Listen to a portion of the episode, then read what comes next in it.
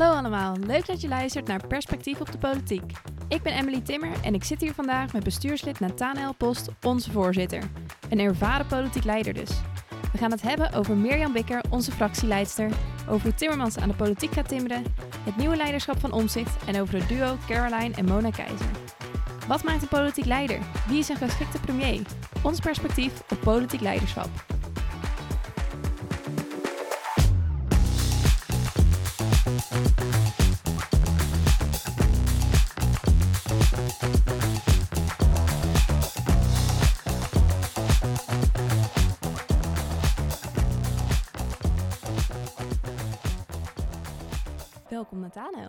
Dankjewel, Emily. Ja, vorige week eh, ging natuurlijk over het ontstaan van de ChristenUnie. En dan waren we met de eerste fractieleider van de ChristenUnie, Ja. Kars Veling. Ja. Ehm, ja, dus het leek me echt wel leuk om dan vandaag weer verder te gaan over dat thema leiderschap. Ja. Met jou natuurlijk, als onze leider van Perspectief. maar eh, voordat we daar verder op ingaan, wat is iets wat jou is opgevallen afgelopen week? Ja, eh, leuke vraag. Ik had er ook even over nagedacht.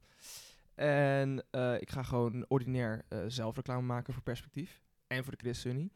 Ehm, want eh, eh, dinsdag, dat is... nou ja, we nemen deze podcast op woensdag, dus gisteren...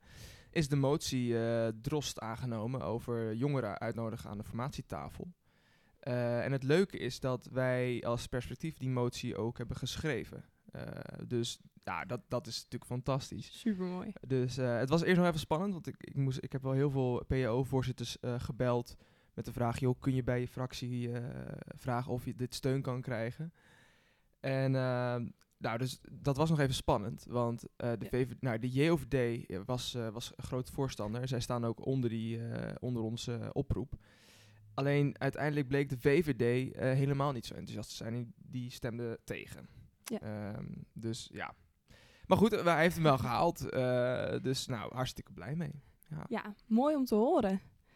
Ja, Wat viel jou op eh, deze week? Ja, wat viel mij op deze week? Nou, inderdaad, de, de jongeren waren sowieso natuurlijk wel actief. Ook vandaag, op deze woensdag dus, zijn de jongeren ook in protest natuurlijk over de rente, waar we het de vorige keer ook al even over hadden. En natuurlijk inderdaad die motie. Ja. Dus de, de jongeren doen het heel goed. En daarnaast kan natuurlijk eh, het verkiezingsprogramma eh, van Nieuw Sociaal Contract. Ja. Ik heb hem zelf nog niet helemaal doorgelezen, maar wel wat dingen voorbij zien komen over eh, stemmen ver- per regio volgens mij op mensen. Dus wel interessant wat voor de hele nieuwe plannen daarin ja. staan en ook wat dat gaat betekenen voor de campagne van de ChristenUnie. Ja, ik vind het, ik vind het fascinerend. Ehm, eh, Pieter Omtzigt die presteert het om, om overal aandacht eh, te genereren. En ehm, ik hoorde laatst een fragment eh, waarin eh, Pieter Derk, heet hij, die zei, hij, hij levert zijn huiswerk te laat in, maar daardoor kijkt wel heel de klas naar hem.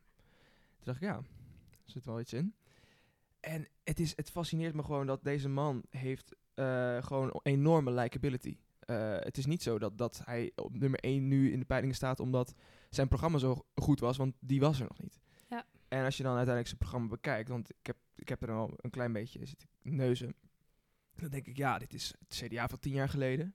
Is best wel conservatief, eh, best wel een conservatief programma. Ehm, je gaat mij niet vertellen dat heel Nederland zo conservatief is als, als dat programma. Eh, maar toch is heel Nederland, of tenminste heel Nederland, de meerderheid eh, is, eh, is fan van hem. Hij, hij spreekt toch die, een groep aan. Ja. Maar kennelijk op meer dan alleen de inhoud misschien. Dat, ja, dat moet wel. Dat moet bijna wel. Toch het leiderschap. ja, maar volgens mij heeft Pieter om zich nooit leiderschap getoond. Het is meer, hij is ontzettend goede volksvertegenwoordiger. En Ja. eh, hij controleert de, de, de, de, macht gewoon heel goed.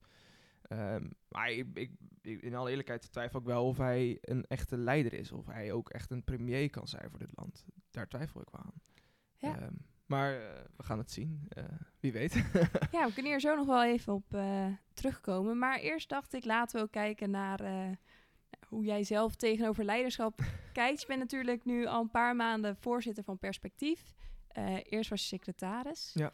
Ehm, ja, hoe vond je die verandering om van secretaris, misschien een iets meer ondersteunende taak, naar nu gezicht van Perspectief te gaan? Ja, dat, dat, dat is wel een overgang, moet ik eerlijk zeggen. Eh, als secretaris was ik voornamelijk bezig met, met toch de praktische dingen van de vereniging. En eh, ik had ook aangegeven toen ik secretaris werd, joh, ik vind het leuk om lekker praktisch bezig te zijn. En, eh, want, want ik ben niet zo'n... Nou, ik, ben, ik hou heel erg van politiek. ehm, maar ik ben niet echt handig in politiek zelf. Dat, dat zei ik toen de tijd. Toen zei ik van, nou, ik wil echt ondersteunen. Dus dat betekent dat ik gewoon lekker met leden bezig ben. Dus met mailtjes en met de nieuwsbrief, eh, met promotie en dat soort dingen. En dat heb ik echt heel erg leuk gevonden. Eh, maar op een gegeven moment eh, dacht ik wel van, ja, het kriebelt. Ik wil iets, ja, iets politieks toch. En toen ben ik, in mijn secretaristijd ben ik me, heb ik me bezig gehouden met ehm, de pensioenwet. Dat kwam om mijn pad. Letterlijk de eerste week van mijn secreta- secretaris zijn kwam dat om mijn pad. Ik werd uitgenodigd bij de pensioenfonds. En, of het pensioenfonds. En ehm, ja, Jens kon niet. en Nathan kon toen niet. En toen zei ik van, nou prima, ik ga wel. Eh, ik heb er nul verstand moet. van. Ja, ik heb er nul verstand van, maar ik ga wel. En toen zat ik daar met allemaal pensioenbobo's. En het kwam allemaal...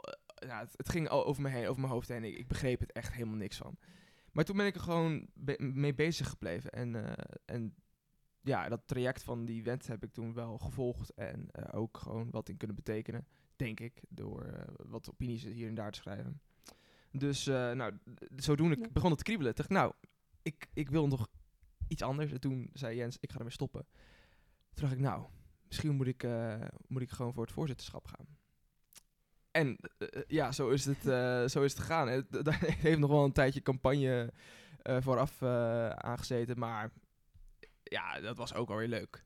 Dat, dat is Ja. heel leerzaam. Dus ja, nee, ja, heel veel mensen hebben het als heel heftig ervaren of zo, die campagne. Eh, en elke keer als ik, eh, als ik dan weer mensen spreek van, eh, ja, heb je eigenlijk nog wel contact met Bart? Ik zeg, ja, eigenlijk best wel vaak. Ik zie hem nog wel regelmatig en het is gewoon helemaal prima. Oh, oh, dat verbaast me. ja, ik zeg het. Het was, het was niet persoonlijk, het was gewoon just Er- politics. er is een leven buiten het debat. Exact, exact. Dus, nou, zodoende. Nice. En, en hoe bevalt het dan nu om dus inderdaad misschien een hele andere soort rol ook voor jezelf in te nemen? Zijn er vaardigheden waarvan je denkt, oh, dat zijn echt vaardigheden die ik veel verder heb moeten ontwikkelen of die ineens meer naar de voorgrond moesten komen? Ja, eh, toen ik secretaris was, kreeg ik gewoon eh, taken toegewezen. En zei, zei iemand gewoon, kun je dit, dit, dit op Instagram plaatsen of kun je dat doen? En, ehm, en nu ben ik degene die moet delegeren. En ik merk wel, ik, soms zit ik eh, achter mijn bureau en denk ik, doe ik het wel goed, weet je wel? Ben ik wel goed bezig? Eh, mis ik dingen? Eh, dus eigenlijk, eh, het voorzitterschap is wel een soort onzeker, laat ik het zo zeggen. Want elke, je, je kan, als, je, als ik wil, kan ik 24 uur bezig zijn. Kan ik 24 uur dingen doen. Eh, dus ik heb wel moeten leren om, eh, om dingen af te bakenen. Ehm, Dus om niet alles te, op te pakken wat ik zie. Eh, dat, dat vond ik in het begin wel lastig. Eh, ook, ik vond het ook heel lastig om te delegeren, om mensen eh, nou ja, aan te sturen, om zo te zeggen. Omdat ik dacht, ja, straks vinden ze me niet leuk of zo. Ja. Ehm, maar ik heb wel moeten leren dat veel meer te doen. En ehm, nou ja, dat ben ik nog steeds aan het leren. Dus dat is wel iets, iets, ik denk, een eigenschap die een, een leider wel moet hebben. En dat is ehm, gewoon het grotere plaatje kunnen bekijken. En dingen ook, nou ja, dus wat ik net zei, dingen niet persoonlijk opvatten. Dus het is vaak gewoon just politics. Dus het is vaak gewoon eh, zakelijk. En soms kan het knetteren en soms kan het er hard aan toe gaan. Maar dan weet je ook gewoon in je achterhoofd weet je van... hé, hey, dit, is, dit is gewoon zakelijk. Dus dit is, dit is niks persoonlijks. Dus dat heb ik wel moeten leren. Want ik, ik ben een, nou, om zo te zeggen, wel een gevoelig mens. Dus ik, ik, ja, ik kan dingen toch wel snel persoonlijk opvatten. Eh, dus dat, eh, dat, dat, nou, dat was soms lastig. Een ontwikkeling. Om Een door ontwikkeling, ja, precies. Dus, Altijd eh, mooi. Dus dat, ja. Ontwikkeling kan ik alleen maar waarderen als bestuursopleiding natuurlijk. ja, nee, zeker. Ja, nee, ontwikkeling, eh, dat is jouw ding. Maar je gaf inderdaad ook al wel aan van eigenlijk is eh, voorzitter, maar überhaupt leiding geven best wel een, een brede taak en niet zo afgebakend. Ik denk ook dat we dat in de politiek ook best wel zien. Hele verschillende soorten leiders met hele andere eigenschappen Ja. en talenten. Ja. Ehm, ja, en bij de ChristenUnie zijn we natuurlijk nou, inmiddels al bijna ruim een half jaar, al bijna een jaar joh, gewisseld van Gert-Jan Segers naar Mirjam Bikker. Ja. Ehm, ook natuurlijk hele andere leiders. Wat zijn soort van belangrijke verschillen die je ziet tussen Gert-Jan Segers en Mirjam Bikker? Boah, goede vraag. Ehm, ik, ik zie vooral dat. Nou, ik, kijk, om te beginnen, ik zie een verschil. Eh, en ik denk dat het verschil erin zit dat Gertjan Segers. ehm, die, nou, ik denk dat Gertjan Segers dingen ook vaak heel persoonlijk. eh, aan, zich, eh, zich het persoonlijk maakte. Of het, het Ja. voelde voor hem vaak, denk ik, persoonlijk. Ehm, en dat maakte dat, dat hij ook een heel groot verantwoordelijkheidsgevoel had. Ehm, en dat is echt te prijzen, denk ik. Eh, want daardoor, dat, dat, ja, dat, dat straalde integerheid uit, weet je wel. Je wist gewoon wat je aan hem had. Ehm, dus ik, ik denk dat dat het grootste verschil is tussen uh, Mirjam Bikker en Gertjan Segers. Is dat stukje ehm, eh, verantwoordelijkheidsgevoel, maar ook dat stukje van hey, is het, persoonlijke en het just politics gedeelte. En ik denk dat Mirjam veel beter is in het kunnen scheiden van eh, dit is gewoon business en niks persoonlijks. Daarom denk ik, eh, ik denk ook dat het, de val van het kabinet alleen onder Mirjam Bikker had kunnen gebeuren, niet onder Gertjan Segers. Omdat um, Mirjam Bikker had gewoon voor, voor haar scherp, hey, dit is gewoon niet waar we mee instemmen. Het is klaar. En ik denk dat als Segers daar nog had gezeten, had hij gaan malen, had hij veel meer gaan nadenken van, maar dan ligt het weer aan mij en dan komt het op, op de ChristenUnie neer en, en aan ons, uh, uh, we moeten niet liggen, Ja. zei hij vaak. en uh, ik denk dat dat, dat dat het voornaamste verschil is tussen die twee. Hoewel ik ook heel veel overeenkomsten zie. Ik, het zijn alle twee echt ChristenUnie-mensen in hart en nieren. Met een, met een groot hart. Uh, dus, dus ja, ik denk... Ik, ik, ik, Mirjam is wel de, de juiste persoon op de juiste plek op dit moment. En ik ben heel blij uh, dat ze er zit. Ja, ik ook. Ze is super betrokken inderdaad bij iedereen. Ik denk dat dat überhaupt iets is wat je bij Ja. de, de ChristenUnie-leiders vaak ziet. Ja, wat, wat vind jij ervan? Wat, wat is het verschil tussen uh, Segers en Bikker in jouw ogen? Oeh, ik moet wel zeggen dat ik... Uh, Segers heb ik meer uh, gezien toen ik zelf een soort van wat verder van de politiek stond. Ja. Dus het was vooral een man die hele mooie verhalen soort van kon vertellen. Dat vond ik altijd heel mooi aan hem. De manier waarop hij verhalen vertelde. En hele persoonlijke verhalen van mensen die hij had ontmoet. Ja. Um, en wat ik vooral heel mooi vind bij uh, Mirjam Bikker, maar dat is misschien ook omdat ik haar vaker ontmoet heb, is dat zij super betrokken is bij mensen. En vooral eigenlijk achter de schermen ook heel goed met mensen Mm -hmm. in gesprek kan. En dat verhaal Ja, kan ja. voeren. Dus dat is, allebei zijn ze heel goed in die verhalen. Maar ik denk Mirjam Bikker beter zo van in het persoon, één op Ja. één. Ja. En Gert-Jan Segers was misschien iets beter in het verhaal voor een hele grote groep Ja. houden. Ja.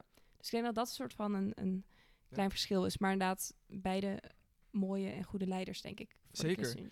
Ja, en, en uiteindelijk is, is het ook, gaat het ook om, uh, kun je een team aansturen? Ja, Kun je, uh, ja, het ga, je moet een fractie voorzitten. En dat is geen gemakkelijke taak. Eh, Maar uh, nou, ja, wij zitten natuurlijk iedere week daar bij die fractie. En wat ik zie is gewoon een leider die het gewoon onder controle heeft. En, en dat is het. Dat is, ja, dat is top. dus dat is mooi. Dus ja, uh, uiteindelijk denk ik gewoon dat Mirjam Bikker gewoon echt een uh, geslaagde fractievoorzitter is voor de ChristenUnie. Uh, en en wat, wat ik ook nog wil zeggen is, Mirjam Bikker is wel echt een hele goede debater. Ja, um, is zeker.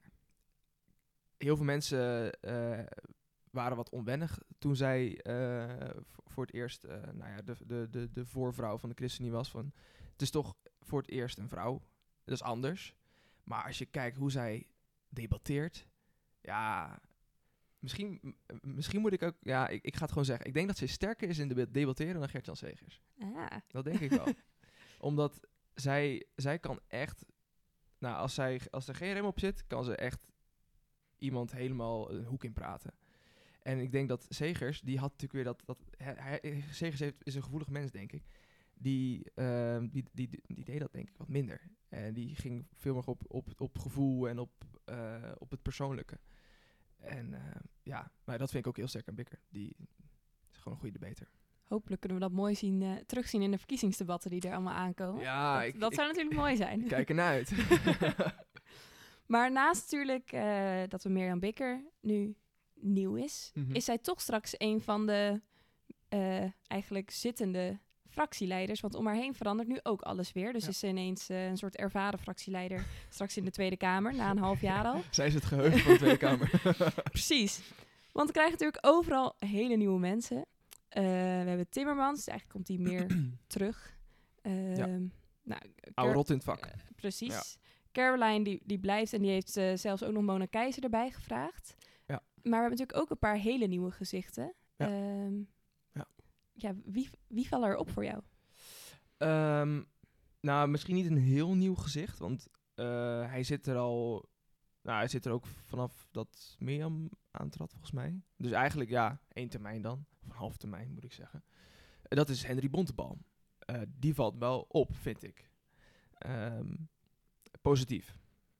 Ehm, hij, nou, hij moet een CDA leiden die eigenlijk eh, kapot is achtergelaten door een eurocommissaris die nu in eh, Brussel zit.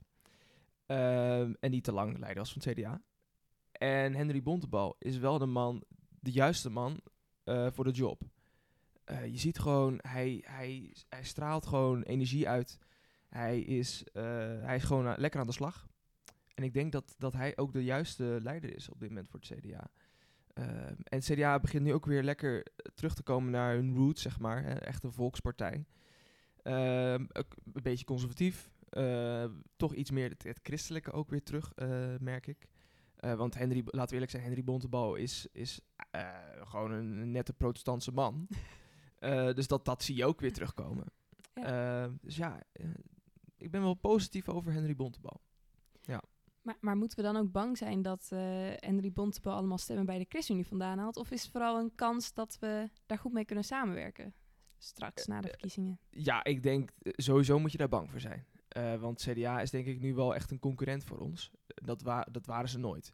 Eh, Bij de vorige verkiezingen was het CDA geen concurrent, maar was het eh, voor, voor ons maar was het een concurrent voor de VVD. Nou, dat zegt veel. eh, dat het nu opeens wel een concurrent is van ons. Eh, dus ja, natuurlijk moeten we er bang voor zijn en we moeten hard, eh, hard campagne voeren. Eh, en wij als perspectief, we zijn al hard aan het campagne voeren, dus, dus ja, eh, aan ons zal het niet liggen. Ehm, maar ik denk uiteindelijk als de verkiezingen zijn geweest, nou, het CDA zal niet heel groot worden, vrees ik.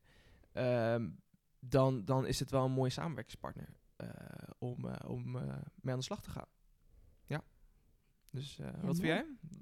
Ehm, ja, ik, ik, ik kan Bontebal ook al heel erg waarderen. Hij is ook eh, vorig jaar ook bij een activiteit van Perspectief overigens geweest. Exact, ja. Eh, en daar was ik toen ook. Eh, en ik vond het eigenlijk best een hele goede man die goed kon spreken en ook echt verstand van zaken had. En Ja. dat kan ik überhaupt wel waarderen Ja.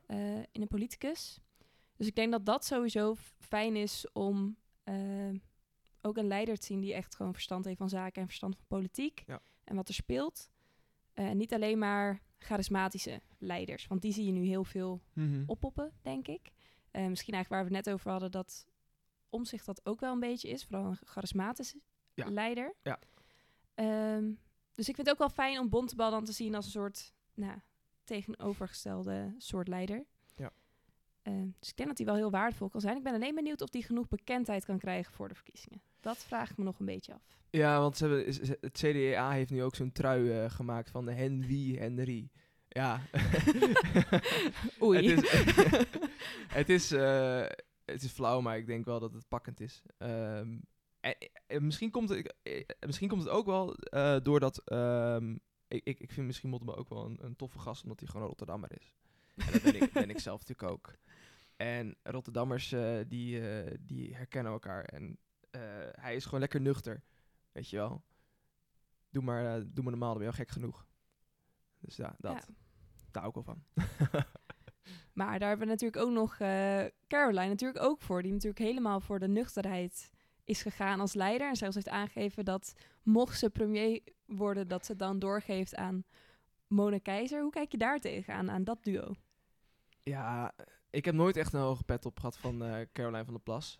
Eh, dat is ook geen geheim. Ze heeft me wel verrast met de afgelopen provinciale verkiezingen. Ik dacht, nou, toch de grootste van Nederland. Netjes gedaan. Eh, maar dat komt maar door één, één ding. En dat is gewoon dat het kabinet het ontzettend verknalde op stikstofbeleid. Eh, dus die gaven eigenlijk aan Caroline van der Plas op een dienblaadje hier de verkiezingsoverwinning. daar had ze, nou, natuurlijk, uh, Pas heeft ook wel een, een persoonlijkheid en hè, inderdaad een, een, nuchtere vrouw die zoiets heeft van, uh, inderdaad ook, uh, doe me normaal, ben je gek genoeg. Alleen, ik vind wel haar nuchterheid, of misschien zelfs haar onverschilligheid die ze nu uitstraalt, dat werkt wel tegen. ze zat natuurlijk laatst bij College Tour ehm, in de, bij, de, bij dat debat. Um, tussen nou, de, de grote, zeg maar, in de peilingen. Dat was dan Omzicht, uh, Jezilgoes, uh, Timmermans en, en dus uh, Van der Plas. En dan zit ze erbij alsof het haar echt helemaal niks uitmaakt. En dan denk ik, ja, dat, dat vind ik wel een hele slechte mentaliteit. en die mentaliteit zie je denk ik ook alweer een beetje terugkomen in de peilingen. Want van de grootste van Nederland is ze nu ongeveer gezakt naar tien zetels. Klopt, ja. En dat is, dat is wel echt een flinke daling. Ja, klopt. Enorme daling. Ja, en, en die verhouding tussen Mona Keizer en, uh, en Caroline van Pas vind ik ook wonderlijk. want echt gelijk twee tegenpolen. Echt, exact. Want wat, wat uh, uh, Mona Keizer zegt, is, is, weer, nou ja, is weer niet afgestemd met, met wat Van der Plas zegt. En volgens mij hebben die twee hele, zijn helemaal niet op elkaar afgestemd. En het is, ik vind het een vreemd duo, laat ik het zo zeggen. Ja.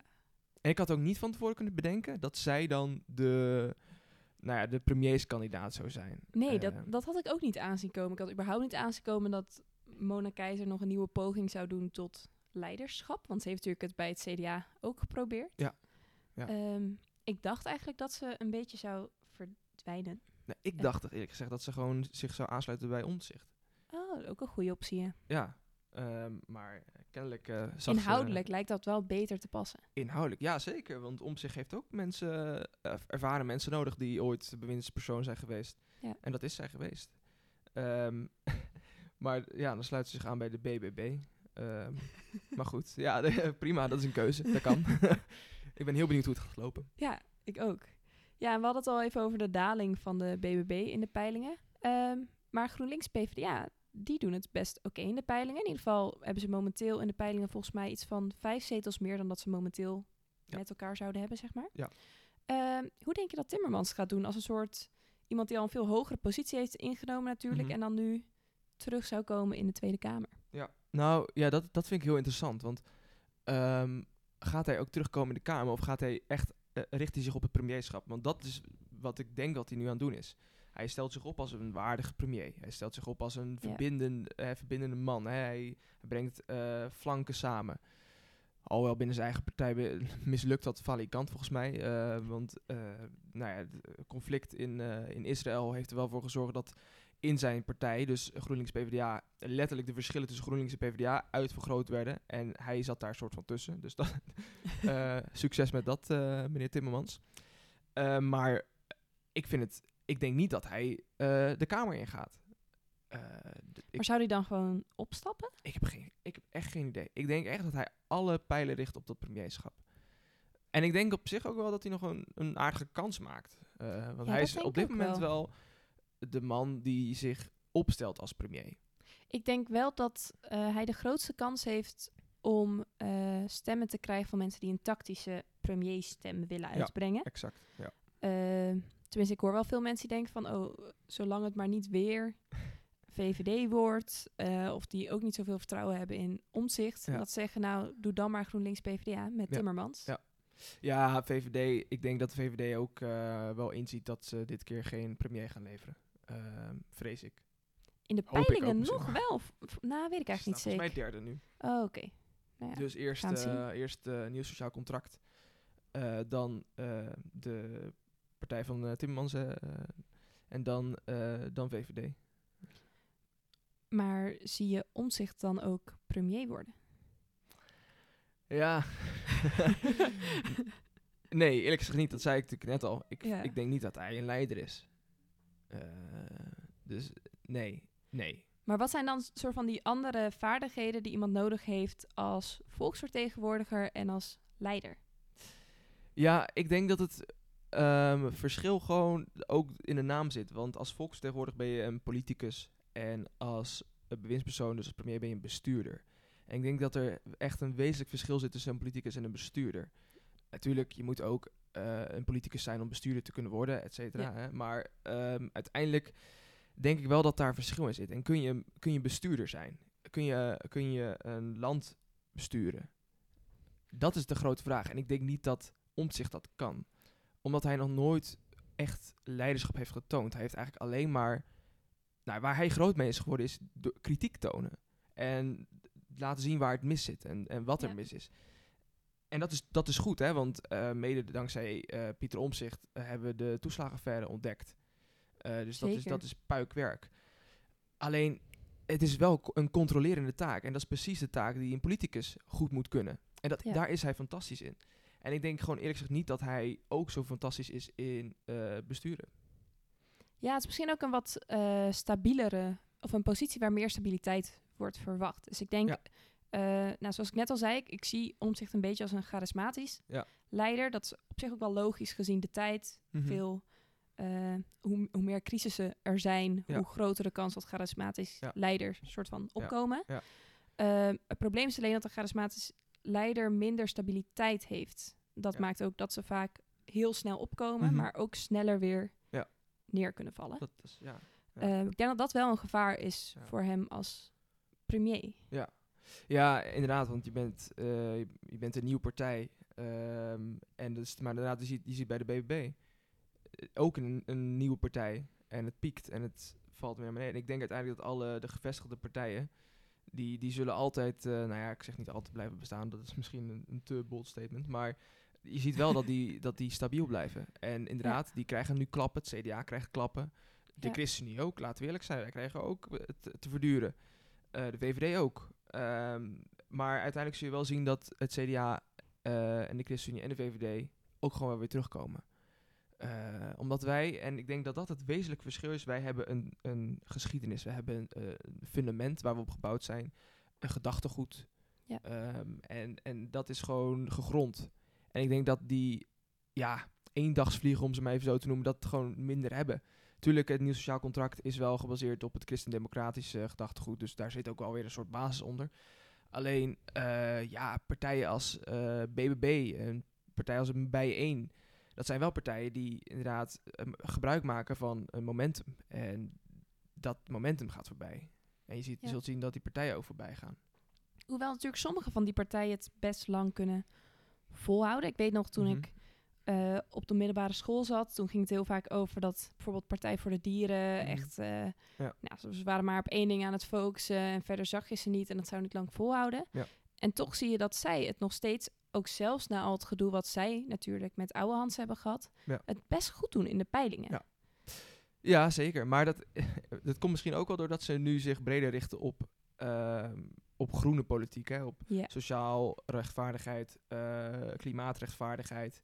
Eh, dus zij, ze zijn wel breder gaan kijken dan alleen naar dieren. Dus ik denk dat Ja. ook een mede reden is dat, dat, dat nu mens, meer mensen denken van... ah, het is een goede partij waar ik gewoon Ja. op kan stemmen. Eh, een alternatief voor GroenLinks. Ja. Dus, eh, dus dat. Maar ik wilde jou ook nog wat vragen, want je ziet natuurlijk dat nu de coalitiepartijen, die, ja, die worden gewoon afgestraft. Ehm, leiders wisselen. Bij D66 zie je dat eh, Kaag eh, vertrekt, eh, omdat, omdat het gewoon niet is wat ze dachten dat het zou zijn. Bij VVD vertrekt Rutte. Dat, dat neemt ook weer volgens mij een soort daling mee in de peilingen. Ehm, CDA heeft, een, heeft Hoekstra gedag gezegd. En eigenlijk zie je wel gewoon dat de coalitiepartijen, eh, waaronder ook wij, lange tijd hebben wij, waren wij stabiel, maar waaronder ook wij nu eh, in de min staan in de peilingen. Ja. Dat is een soort afstraffing, lijkt het wel. Hè? Van, je hebt coalitie gedaan, eh, je hebt verantwoordelijkheid genomen, je hebt het land bestuurd met, met de beste intenties. En de kiezer denkt, ja, niet tof, afstraffen die handel. Waar zou dat dan liggen? Ja, ik, nou, deels inderdaad een soort van die afstraffingscultuur van, Mhm. oh, jullie hebben geregeerd, dus als, als dat mis is gegaan en eh, als het kabinet is gevallen of, of dingen niet goed zijn opgelost, Ja. dan de partijen die daar aan de leiding stonden en hun gezichten, die gaan we daarvoor Ja. straffen. Ehm, ik vind het ook heel interessant dat dat ook de partijen zijn waar je het meest hele nieuwe leiders ziet. Dus mensen die hiervoor nog niet heel erg zichtbaar waren. Terwijl inderdaad bijvoorbeeld een PvdA GroenLinks kiest voor een Timmermans, een wat veel bekendere Ja. leider eigenlijk. Maar dat kan ook, want zij hoeven zich niet, eh, zij hoeven niet een soort val of afstraffing hoeven zij niet te compenseren. Terwijl die andere partijen moeten echt laten zien van nee, toen hadden we die leider en toen Ja. ging het mis. En maar nu Ja. komen we met iets heel nieuws om. Ja. eh, dus nu mag je weer gewoon wel op ons stemmen en dan komt alles weer goed en dan gaan we het heel anders aanpakken. Helemaal nieuw. Ja, precies. Het is weer helemaal nieuw. En ik denk dat dat wel heel interessant is. En dat zie je ook daar ging het eigenlijk de vorige keer met Karstveling ook een beetje over. Dat Mhm. ook eh, rond de tijd van Pim Fortuyn en dat toen ook de coalitie viel, zijn ook bijna alle leiders vanuit de regering zijn gewisseld toen. Ja. Ehm, ja, waaronder Karstveling zelf natuurlijk. Ja. Dus het is ook wel een trend die je eh, vaker terug ziet komen. Ja. Eh, maar wel eens een hele grote verschuiving teweeg brengt, zoals het in ja, 2003, als ik het me goed herinner, Mhm. ook is geweest. Ja, ja, toen kwam natuurlijk ehm, de CDA aan de macht. Ja. Ehm, met Balkenende. Ja, en er wordt natuurlijk ook vaak gezegd, eh, we rekenen af met de oude politiek. Eh, en dat is een soort trend om dat te zeggen. eh, oude politiek, eh, dit en dat. En als je iets doet wat dan kennelijk hoort bij de oude politiek, wordt dat echt goed benoemd. Van ja, dit is oude politiek. En Ja. dit is, hier willen we juist mee stoppen en mee afrekenen. En ik, ik denk dat er ook wel iets in zit hoor. Uiteindelijk zag je ook gewoon in Rutte 3 en 4 echt een trend van, nou de coalitie, de vier coalitiepartijen hielden elkaar zo stevig beet, dat de oppositie ook echt eh, helemaal niks kon. En met een uitzondering eh, hier en daar kon ze ook echt gewoon eh, niet veel. Ja. Eh, nou, sterke coalitie, want je hebt gezien Rutte 3 en Rutte 4, eh nou dezelfde partijen, hebben het wel lang met elkaar uitgehouden. Maar het was inderdaad wel een soort politiek. Ja, ik snap dat ongemak ook wel weer. Ja. Ehm, Helemaal zo'n zo'n coalitie helemaal dicht timmeren met, met akkoorden en is niks tussen te krijgen. Ja, dat, dat komt dat wel helemaal eh, de, de, de, de Tweede Kamer ten goede. Hè? Kun je nog wel eh, Ja. debat- openlijk debatteren over onderwerpen. Dus ja, je ziet het nu veel meer terugkomen. Laten we gewoon weer gaan debatteren op, op ideeën, op inhoud, op, op lange termijn perspectieven. En dat stemt me wel hoopvol dat dat weer terugkomt. Dat we gewoon weer open-minded eh, politiek kunnen bedrijven. Meer een soort visie kunnen hebben eigenlijk. Exact, weer. een visie weer. En, en ik hoop dat dat weer terugkomt. Ook omdat de, de problemen van vandaag de dag groot zijn. Ja. Kijk naar het klimaatprobleem. Ehm, als een coalitieakkoord vier jaar geleden dichtgetimmerd was, ook op klimaat, en de urgentie begint langzamer, of langer, eh, of, eh, hoe noem je dat, eh, door te dringen. En, en, je, en je wil eigenlijk iets meer doen op klimaat. En, dan, en je coalitieakkoord zegt nee, we hebben dit en dit afgesproken. Wacht nog maar even een jaar of twee. Ja, dat is problematisch. Je moet, Ja. je moet gewoon kunnen acteren op, op de problemen die dan spelen. En ik hoop gewoon dat dus de aankomende coalitie eh, niet gaat zeggen... joh, we, sluiten een akkoord ook op klimaat... maar we, we gaan een akkoord sluiten... eh, we, noemen een, we noemen het een, een, een, een langetermijnvisie. Hè? We gaan kijken wat moet er nu voor de komende 20 jaar gebeuren op klimaat. En we gaan keihard aan de slag. We, we, we, we- nou ja, misschien wel gewoon de noodtoestand uitroepen. Of de. Hè, ik, ik, ik, ik ben maar even vrij aan het denken. Ja, Op, ons, op het ChristenUnie-congres werd natuurlijk ook eh, een klimaatpersconferentie genoemd. Nou, Ja. laat die urgentie er maar echt in zitten. Laat maar echt zien dat we iets eraan willen doen. En, en laten we het alsjeblieft niet vastzetten in een akkoord. en daar dus de komende vier jaar ons aan vastklampen. Want Ja. dat gaat niet helpen, vrees ik. ja. Lijkt me een hele mooie oproep eh, aan alle nieuwe leiders die er aankomen en eh, die gaan samenwerken. Ja, ja. Nou, ik ben benieuwd hoe ze het allemaal gaan doen met de Ik ook. verkiezingen die Ja, er aankomen. ja. Eh, de campagnes beginnen nu langzaam een beetje op te komen. Dus we gaan Wel langzaam, hè? Wel heel langzaam inderdaad, maar nu zou het, het, het reces gaat bijna beginnen, dus het zou nu wel Het wat zou nu wel moeten worden. Oké, dus we zouden ook nu meer blauwe jassen en zo op straat moeten zien. meer blauwe jassen op straat. Dus heb je thuis geen blauwe jas, doe er wat aan. Ehm, en laten we Ja. het een hele mooie campagneperiode maken. Ja, en, en ook voor de perspectievers. eh stuur die foto's hè, van, die, van, dat, van die poster die we die op de post hebben gekregen. Elk lid van Perspectief heeft eh, op de post een verkiezingsposter gekregen van ons. Zeker. Eh, ons eigen verkiezingsposter met durf te hopen erop. En we hebben een winactie. En Oh, ja, Vertel meer.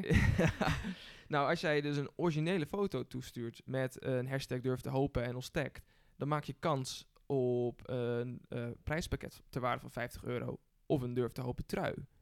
Dus Nou, ja, ik dat zou wil zeggen, iedereen, dat, zou ik dat zeggen. wil je, dat Ja. wil je, ja. Dus ik zou zeggen, maak die foto, hang hem op eh, op een leuke plek. Eh, liefst al zo zichtbaar mogelijk voor de Zeker. buitenwereld. Laat de hele straat zien. Laten heel de wereld het horen. Oh, mooi. Ja, precies. Dus we gaan een mooie tijd tegemoet. Nou, ik heb er zin in. Ik ook. the end. The end.